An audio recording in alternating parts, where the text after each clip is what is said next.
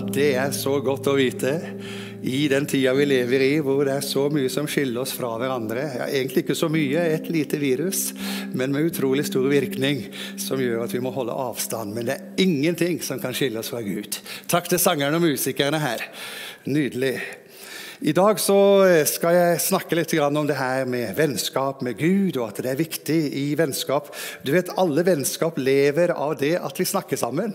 Tenk om venner skulle slutte å snakke sammen. Tenk om venner skulle slutte å kommunisere. Tenk om venner skulle vende ryggen til hverandre. Ja, da har vennskapet en alvorlig utfordring. Men eh, det er helt tydelig at eh, Gud ønsker å være din og min venn. Og eh, I de siste dagene så har jeg vært opptatt av en begravelse som jeg holdt nå på fredag. Og eh, avdøde han eh, hadde et liv med Gud. Og, og, og da han var fire år Det er en nydelig historie. En søt historie også. Da han var fire år, så stilte han seg opp i Heimdal sentrum, og så sang han denne sangen 'Herre tal, Herre tal, la en glød fra alteret rense meg. Herre, tal, Herre, tal. Glad jeg svarer, her er jeg, send meg. Jeg vet ikke hvor mye den lille fireårige pjokken forsto av teksten i det han sang, men denne teksten har da, i og med at jeg har jobba med denne begravelsen og, og syns denne historien var søt og fascinerende, men også en sterk historie om en liten gutt på fire år som stilte seg opp i Heimdal sentrum og sang 'Herre tal, Herre tal'. Og når vi nå har et tema i Betel om vennskap med Gud, så eh, måtte jeg faktisk kontakte Asbjørn Mortensen og si at eh, den tittelen som jeg hadde på min preken, eh, den måtte forandres, for jeg hadde lyst til å snakke om det som greip hjertet mitt, om viktigheten av å høre Herren tale. Viktigheten av å høre at Gud snakker. Viktigheten av å høre at Gud snakker til oss. For det er nemlig menneskets utgangspunkt. Det er vårt DNA. Da mennesket ble skapt, så ble vi skapt for vennskap med Gud. Og alle her forstår at uh, vennskap lever av kommunikasjon. Vennskap lever av den gode samtalen. Vennskap lever av at vi ser hverandre inn i ansiktene, ser inn i øynene, og at vi har en god samtale og deler tanker og følelser og vilje. Uh, I ekteskapet så kan man nesten tro det at uh, mannen skal være en tankeleser. Men du vet, mannen er ikke så klok at han er i stand til å være en tankeleser hva kona egentlig mener. Så kona kan tro at han må jo ha forstått dette her, men jeg har flere erfaringer på at jeg ikke har forstått dette her. Og jeg må si du må si det. Du må si det, og du må si det så jeg skal forstå det. Så eh, eh, vi skal ikke lese hverandres tanker. Vi skal få lov til å sette ord på det vi tenker. Vi skal få lov til å sette ord på det vi føler. Vi skal få sette ord på det vi vil. Så den gode samtalen er avgjørende viktig for vennskap, enten det er med ektefelle, eller det er med Gud, eller det er med venner som du har i din hverdag. Herre, tal. Herre, tal. Det står nemlig i begynnelsen, når mennesket var blitt skapt, så står det, det at eh, de var skapt i Guds bilde. Og Gud er treenig. Fader, Sønn og Hellig Ånd. Han er, det, han er det perfekte vennskapet mellom Faderen, Sønnen og Den hellige ånd. Og Så står det at Gud talte, og det skjedde. Og eh, da er det slik at Når vi er skapt i Guds bilde, så er vi også skapt for fellesskap. Og fellesskapet eh, er avgjørende at vi samtaler sammen. Så da fellesskapet ble brutt mellom eh, Gud og Adam og Eva, så hører vi desperasjonen av Guds stemme. Eh, I 1. Mosebok 3, 8-9 da står det at eh, mennesket hørte lyden av Herren Gud som vandret omkring i hagen i den svale kveldsprisen. Hvorfor vandrer han omkring i hagen, man tro? Jo, det er liksom implisitt at han egentlig var vant til å ta en spasertur i hagen med Adam og Eva. For de var jo gode venner. Og gode venner de går gjerne tur sammen også. Eh, gode venner liker å være sammen. Og gode venner finner på ting sammen. Så Gud han kom til hagen, og så kikket han etter Adam og Eva. Men så står det at det har skjedd noe i vennskapet. Det Dvs. Si vennskapet hadde fått en knekk. Og eh, Det står at mannen og kvinnen gjemte seg for Herren Gud blant trærne i hagen. Men Herren Gud ropte på mannen og sa, 'Hvor er du?' Så det er tydelig Gud tok initiativ. Vi må treffes igjen, vi må få dette her på stell igjen. Vi må få rydde opp i det som har gått i, i stykker, fordi at det vennskapet det er så viktig. La meg bare si det, erfaringen min. Jeg er 58 år. Ingen kunne tro det når dere ser hvor fresh jeg er, men jeg er faktisk 58 år. Og, og, og jeg har eh, altså en del erfaring. Og det jeg har funnet ut, det er at vennskap trumfer alt. Sant og ekte vennskap trumfer alt. Alle mennesker har behov for vennskap. Og det ligger egentlig i vårt DNA fra skapelsen av. For Gud har skapt oss for vennskap. Punkt én for dere som ønsker å ha punkter, og jeg skal love dere jeg skal ikke punktere her i formiddag, men du skal få noen punkter, så du kan få noen knagger som du kan jobbe videre med i ditt eget tankeliv. Punkt én det er at Bibelen sier at Abraham han er alle troendes stamfar, og han fikk hedersbetegnelsen Guds venn. Og alle vet mer nå enn den gang at det er noe som heter DNA. Det er noe som heter genetic code. Det, det er til og med sånn at DNA er avgjørende for å finne ut uh, hvem har vært på et sted, og, og, så videre. Så uh, da forstår vi at hvis Abraham er vår Vi tror jo. Og hvis vi er troende, og Abraham er vår stamfar, da forstår vi at vi har noe av hans DNA. Så vi kan gjenkjenne barna på foreldrene. Og så eh, kan jeg bekrefte dette her med Galaterbrevet 3,7. Så forstår dere at det er de som tror, som er Abrahams barn. Altså, hvis du tror hvis du tror på Jesus Kristus, som jo også er oppfyllelsen av løftet til Abraham Hvis du tror på Jesus Kristus, ja, da er du Abrahams barn. Romerbrevet 4,11 sier omskjærelsen fikk Abraham som et tegn som skulle bekrefte den rettferdighet av tro som han hadde før han ble omskåret. Og så står det slik ble Abraham far til de uomskårne. Det er alle som ikke er jøder. Eh, til de uomskårne som tror så de kan regnes som rettferdige. Så Abraham han er opphavet til tro. Og Galaterbrevet 3,9 sier derfor blir de som tror, velsignet sammen med den troende Abraham. Så vi er velsigna fordi Abraham er faren vår. Yes, og Han var en velsigna mann, og han ble kalt Guds venn. Eh, det skal vi eh, se litt på nærmere. Eh, punkt to kjennetegn på vennskapet mellom Abraham og Gud. Det første vi ser i, som et kjennetegn på vennskapet mellom Abraham og Gud, det finner vi i Jakobs brev 2,23. For her står det 'Abraham trodde Gud'. Abraham trodde Gud, og derfor regnet Gud ham som rettferdig. Og hør, og han ble kalt Guds venn. Abraham ble kalt Guds venn. Hør her. Vennskap uten gjensidig tillit er et meget miserabelt vennskap. Det er et dårlig vennskap hvis vi ikke har tillit eh, eh, til hverandre, hvis vi ikke tror på hverandre. Men her står det Abraham trodde Gud. Og eh, han ble da kalt Guds venn. Så Et kjennetegn på vennskap mellom Abraham og Gud det var at de hadde en gjensidig tillit til hverandre. Abraham trodde Gud. Han ikke bare trodde på Gud. Han ikke bare trodde at det fantes en Gud, men han trodde Gud. Det vil si, hvis Gud snakka, så trodde Abraham. Han trodde på det Gud sa, for han ikke bare trodde på Gud, men han trodde Gud. Så Det første som kjennetegner vennskapet mellom Abraham og Gud, det er tro og tillit. Det andre det er fortrolighet en fortrolighet. Eh, fortrolighet betyr også at vi, vi, kan avsløre litt hemmeligheter for hverandre. Fordi at vi er så trygge på hverandre i vennskapet. Og, og, og, vi kan ha en fortrolighet som vi ikke har med hvem som helst, men som vi kan ha med våre gode venner. Det står nemlig at eh, når eh, Gud hadde noen planer om Sodoma og Gomorra, så står det i 1. Mosebok 18, 17, Han tenkte, står det, skulle jeg skjule for Abraham hva jeg vil gjøre? Nei, det var jo helt utenkelig. Å skjule for Abraham Han er jo min gode venn. Jeg må jo snakke med han. Eh, det angår jo han. Det er jo Lot, hans nevø, som, som, eh, dette kommer til å berøre. Så jeg må jo ta en prat med min gode venn Abraham. Hør her, hvis du er Guds venn, så vil han gjerne ha en uh, god prat med deg. For han ønsker fortrolighet med deg. Så begynner Gud da å snakke med Abraham, og, og, så er det noen andre der i samtalen, men de forsvinner. Men da står det om Abraham i vers 22. Vi holder altså på i første Mosebok 18. Og Da står det i vers 22 mennene gikk derfra.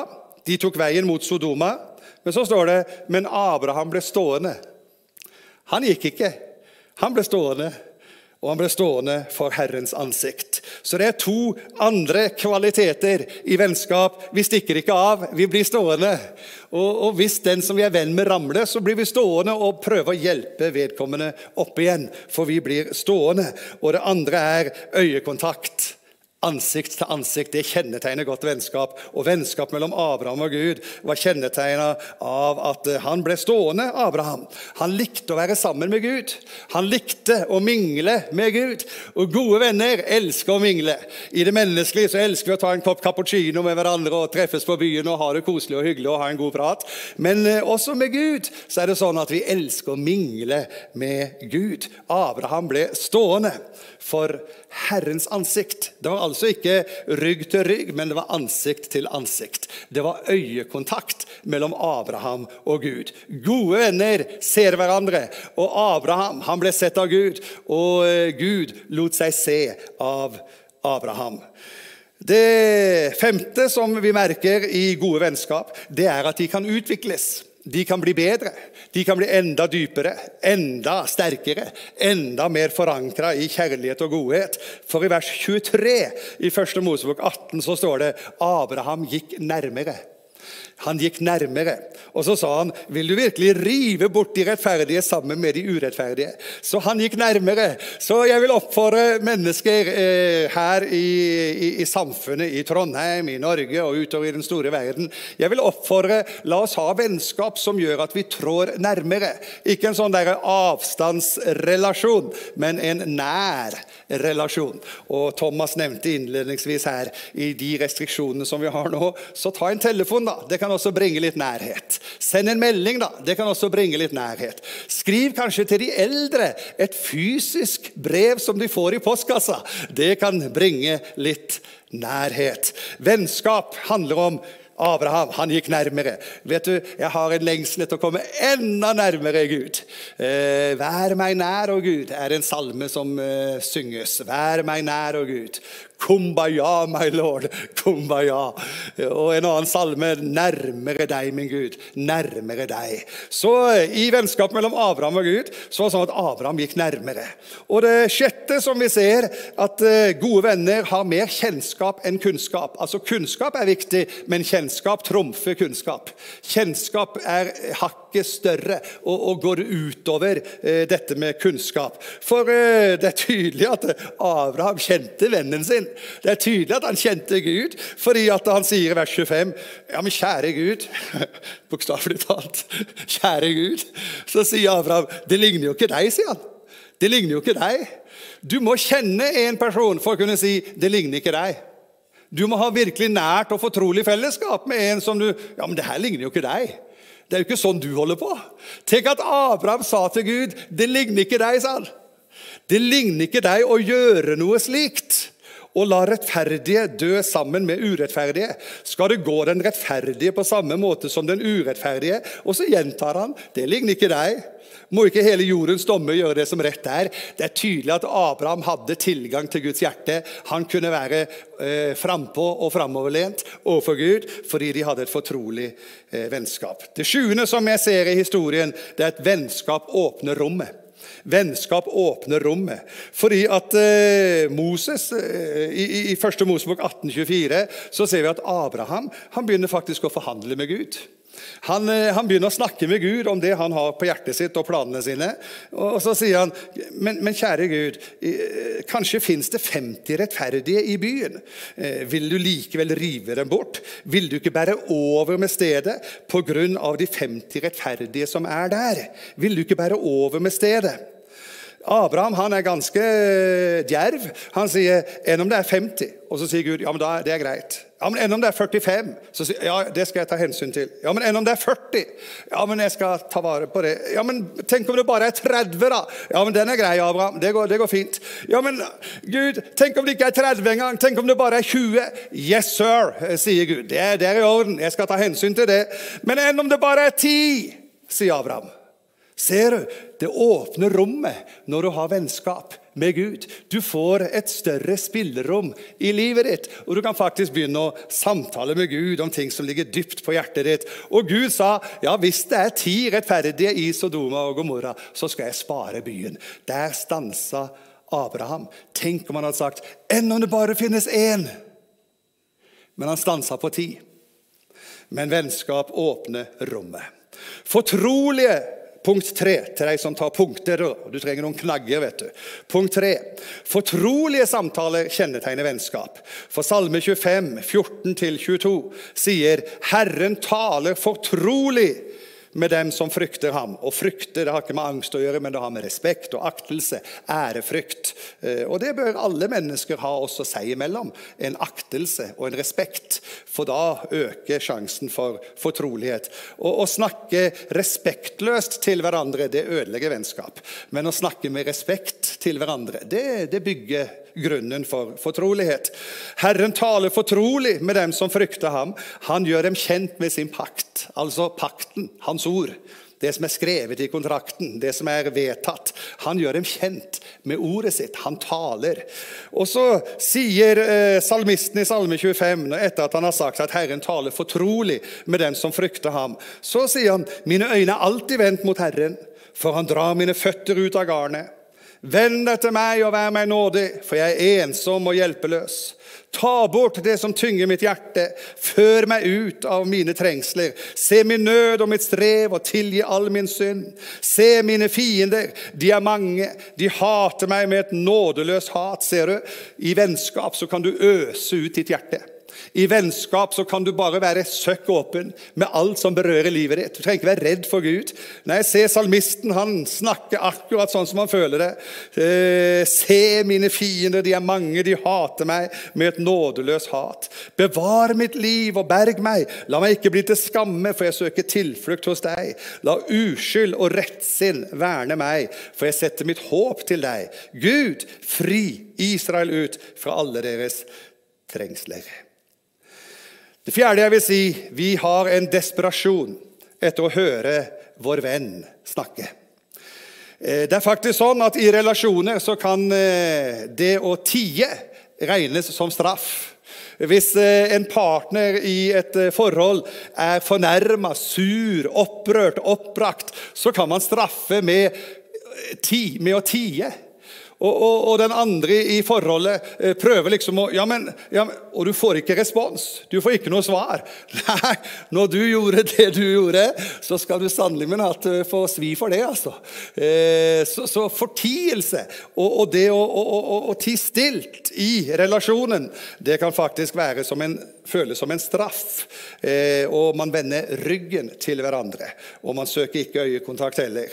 Og eh, det, det, det, det, kvekker ikke i din partner når du prøver å ta kontakt. Nei, nei, nei, det er ingen lyd å høre fordi at eh, du gjorde et eller annet. Du, eh, hvis det skulle være sånn med Gud at vi ikke hører han tale, så er det som en desperasjon. Det er et rop fra vårt hjerte etter å høre Gud, vår venn, snakke.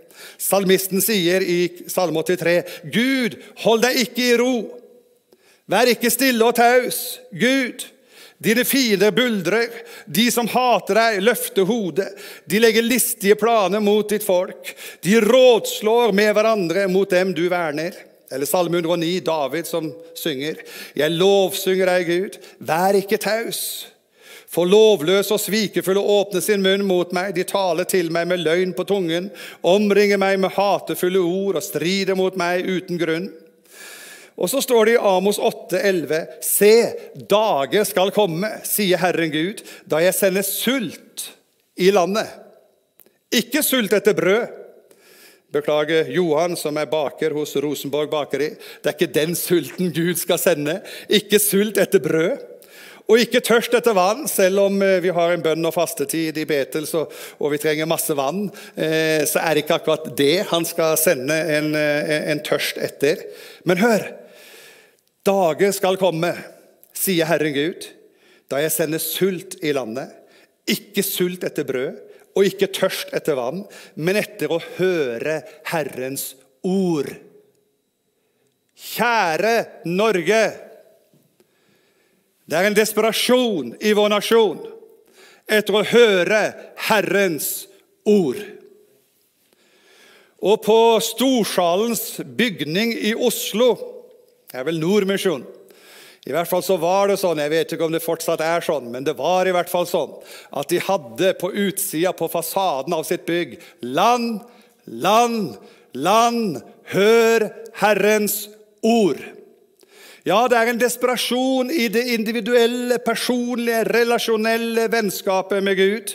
Men jeg merker også at i nasjonen Norge så er det en desperasjon etter å høre Gud tale til nasjonen. Vi trenger rettledning, vi trenger veiledning, vi trenger håp, vi trenger trøst, vi trenger framtid, vi trenger fred. Og hør, det er det Gud taler til nasjonen. Derfor er det veldig trist når kirkene stenges ned og bare kan ha ti personer i salen i forsamlingen. Da er det trist, vet du, for kirken er en håpets port hvor Gud skal tale til nasjonen. For mennesker trenger at Gud taler. For hvis ikke Gud taler, hvor skal vi gå? Hvis ikke Gud taler, hvor skal vi finne retning? Hvis ikke Gud åpner sin stemme, løfter sin stemme og taler inn i nasjonen, hvilken framtid har da nasjonen? Mennesket lever ikke av brød alene, men av hvert ord som går ut fra Guds munn. Eh, den vise Salomo han sier 'uten åpenbaring', sier han. Åpenbaring, hva er det for noen ting? Det er at Gud meddeler sin tanke og sin plan og sin vilje. Uten åpenbaring, sier han. Uten åpenbaring. Hva er åpenbaring? At Gud taler. Hva er åpenbaring? At Gud opplyser. Hva er åpenbaring? Aha! Det er åpenbaring. Det vi ikke visste, det vi ikke skjønte, det vi ikke forsto. Det gir Gud meddelelse om. Og uten dette blir folket ustyrlig. Uten dette kommer folket på villspor. Uten dette blir folket tøylesløst. Uten dette, sier King James Version i ordspråkene 2918, 'The people perish'. Så hvis ikke vi har Guds tiltale inn i våre personlige liv, hvis vi ikke har Guds tiltale inn i nasjonens liv, så er det dramatisk. Guds ord må ut til folket. Amen. Og jeg er ikke ferdig. Verdien av ordet. Hvilken verdi har det for oss at vår venn meddeler seg? På Samuels tid, når han var liten gutt, så ble han som eh, hans mor Hanna hadde lovt, brakt til tempelet for å gjøre tjeneste. Og I 1. Samuel 3,1 så står det gutten Samuel gjorde noe tjeneste for Herren under Elis tilsyn. Og så står det i de dager kom det sjelden ord fra Herren. Sjelden ord. Og I en eh, eldre oversettelse fra 1930 så står det 'Herrens ord var dyrt i de dager'. Hva betyr det? Jo, sjeldent er verdifullt, og dyrt er verdifullt. Og når dette ramler bort, så mister vi en verdi. Vi mister en viktig verdi i vårt personlige liv, men vi mister også en viktig verdi i nasjonens liv. Vi trenger at vår venn, for Gud vil være venn med alle. Hvis det finnes fem millioner mennesker i Norge, så vil Gud være venn med fem millioner mennesker i Norge. Og hør, hvis det finnes fem millioner mennesker i Norge pluss en til, så vil Gud være venn med fem millioner mennesker i Norge pluss en til. For Gud vil være venn med alle. Og så tjente da gutten Samuel under disse forhold at Guds ord var dyrt, det var sjelden, det var verdifullt. Det, var noe, det, det, det, skjedde liksom ikke at Gud talte til nasjonen. Men eh, Samuel han var i tempelet, og så står det på slutten av kapittel 3 det står at Herren fortsatte å vise seg i Kilo, og så der åpenbarte Herren seg for Samuel gjennom sitt ord. Og det Samuel sa, gikk ut til hele Israel. Så vi trenger at eh, Gud meddeler seg sitt ord, for vi er jo hans venn. Og så er det slik da, at når Gud snakker til oss, så er det Gott sei dank, som de sier på tysk.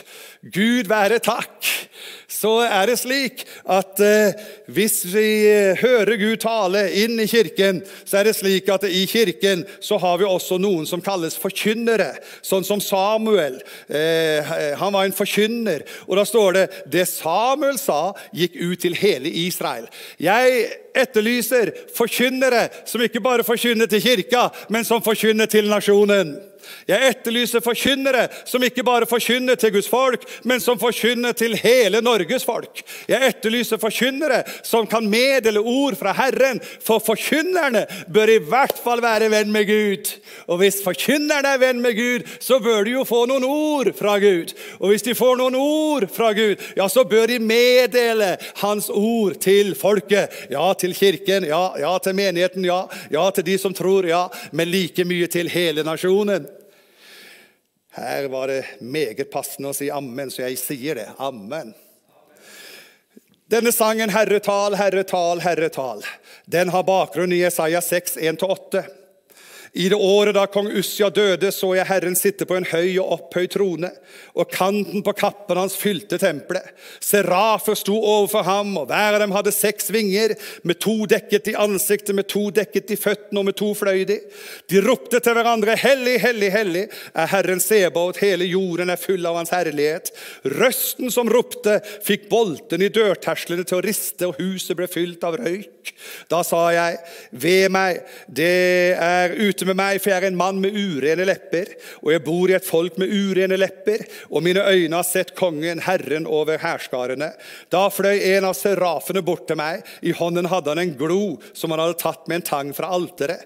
Med den rørte han ved munnen min og sa, se, denne har rørt ved leppene dine, din skyld er tatt bort, og din synd er sonet. Da hørte jeg Herrens røst. Han sa, hvem skal jeg sende, og hvem vil gå for oss? Jeg sa, jeg send meg.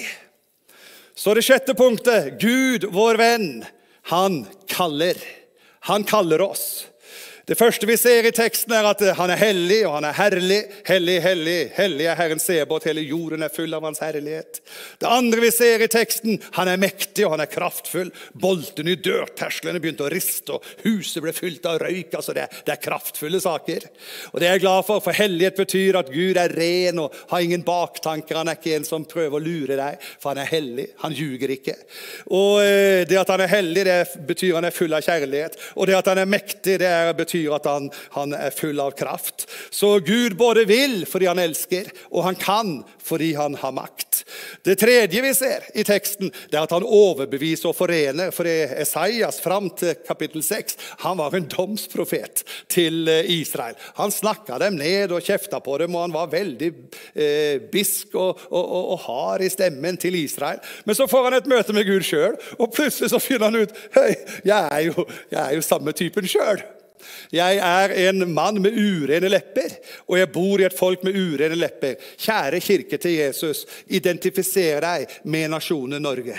Kjære kirke til Jesus, ikke tro at du sitter på din høye hest og kikker ned på folket utafor kirken. Nei, kjære kirke til Jesus, identifiser deg med folket og gjør en innsats for folket. Han forente seg med folket. Og det, femte, det fjerde vi ser, er at Gud renser. Eh, din skyld er tatt bort, og din synd er sonet. Og så spør han, som det femte, hvem skal jeg sende? Hvem vil gå? Gud begynner å snakke. Og da, som det sjette, så svarer altså profeten, 'Jeg sa, her er jeg. Send meg.' Kjære kirke, kunne ikke vi bli sendt til Norge med et fornya kall til nasjonen? Fordi vår venn, han har talt til oss. Vår venn, han har spurt, 'Hvem skal jeg sende? Hvem vil gå for oss?' Og da kan vi svare som profeten, 'Her er jeg. Send meg.' Som den lille gutten på fire år i Heimdal sentrum som sa, 'Glad jeg svarer, her er jeg. Send meg.' Det siste punktet virkningen av ordet når vår venn snakker. Fordi at etter Jesajas møte med Gud, så eh, forandrer han budskap. Fra å være et dømmende budskap, hvor han hopper ned fra sin høye hest og begynner å identifisere seg med sitt folk. Og så plutselig så får han et bedre budskap, et trøstens budskap. Så plutselig så roper Jesaja ut til Israel, trøst, trøst mitt folk. Det blir en helt annen tone. Når Kirka får et personlig møte med Jesus, så vil vi få et varmt budskap til mennesker. Vi vil få trøstens, håpets og fredens budskap til mennesker. For evangelium betyr det glade budskap. Trøst, trøst, mitt folk, sier deres Gud. Tal til Jerusalems hjerte. Eller som det står i en annen oversettelse, tal vennlig til Jerusalem. Kjære Norge, vi taler vennlig til Norge. Ja, ja, ja, vi taler vennlig til Norge. Vi taler vennlig til Norge. Vi taler ikke fordømmelse. Vi taler ikke eh, mørke og straff og, og, og, og forferdelige eh, dommedags mørkemenns eh, spådommer. Nei, vi taler vennlig til Norge. Og rop til henne at hennes strid er fullført, at hennes skyld er betalt, og at hun har fått dobbelt fra Herrens hånd for alle sine synder. Virkningen av ordet når vår venn snakker. Jesus ble frista ute i ørkenen, og fristeren, djevelen, kom til han og sa, 'Er du Guds sønn?' Så si at disse steinene skal bli til brød.